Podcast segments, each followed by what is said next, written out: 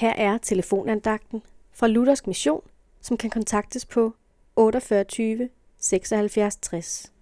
Andagtholderen i dag er Gundi Munk.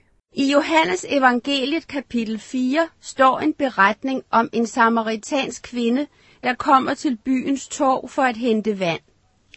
Her ved brønden sad Jesus i den brændende middagssol. Han var træt efter en rejse, og han var tørstig. Da kvinden kom, bad han hende om vand. Det var uhørt, at en jøde henvendte sig til en samaritaner. Men Jesus ville denne kvinde noget særligt. Det var egentlig ikke vand, han ønskede af hende. Nej, han havde set ind i hendes indre. Hun var som en udtørret brønd.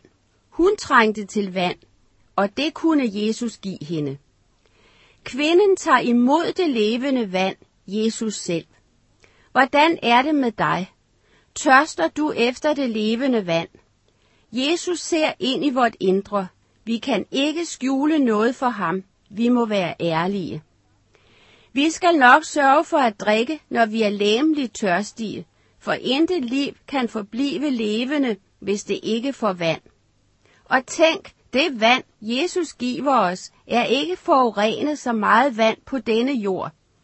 For Jesus var ren, uden synd, og han har fjernet al din og min synd, da han gik i døden for dig og mig.